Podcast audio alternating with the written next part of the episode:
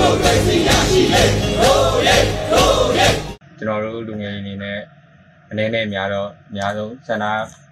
လမ်းပေါ်တွေမှာထွက်ပြီးတော့ဆန္ဒမထုတ်ပေါ်နိုင်ခဲ့ရင်တော့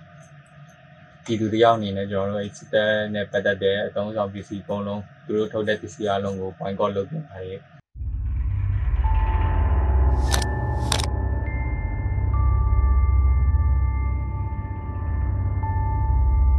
စစ်တပ်နဲ့သူရဲ့အတိုင်းဝိုင်း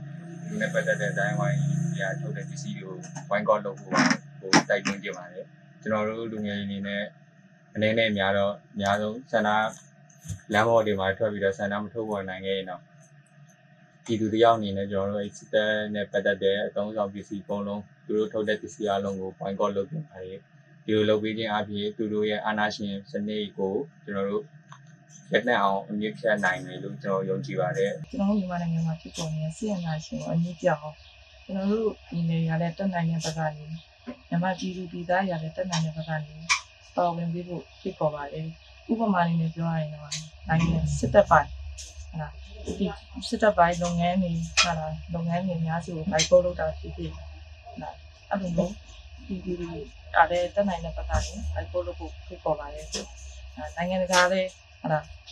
မြန်မာပြည်ရဲ့အခြေအနေကိုစောင့်ကြည့်နေတဲ့အနေအထားမှာရှိတယ်။ဒါပြည်သူတွေအနေနဲ့လည်းကိုတက်နိုင်တဲ့ဘက်တက်နိုင်တဲ့ဘက်ကနေလည်းစစ်တပ်ပိုင်းနဲ့ထုတ်ကုန်မျိုးဘိုက်ပို့လုပ်ဖို့ငွေချဖို့နဲ့ဒီကလေးခံပါတယ်စစ်တပ်စီးပွားရေးလုပ်ငန်းတွေနဲ့ဒီဥပိုင်စီးပွားရေးလုပ်ငန်းတွေကို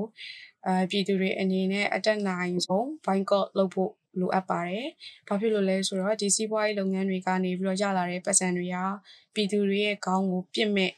ကြည်စံနေဖြစ်လာမှာမို့လို့ပြည်သူတွေကိုတတ်တဲ့ဒီဖြစ်ရဇိုးကြီးမှာကိုယ်တိုင်မပါဝင်မိဖို့အရေးကြီးပါတယ်လိုအပ်ပါတယ်။ဒါကြောင့်မို့လို့စစ်တပ်စီးပွားရေးလုပ်ငန်းတွေကို boycott လုပ်ခြင်းအဖြစ်ပြည်သူအချင်းချင်းကိုညီကြရအောင်ပါနော်။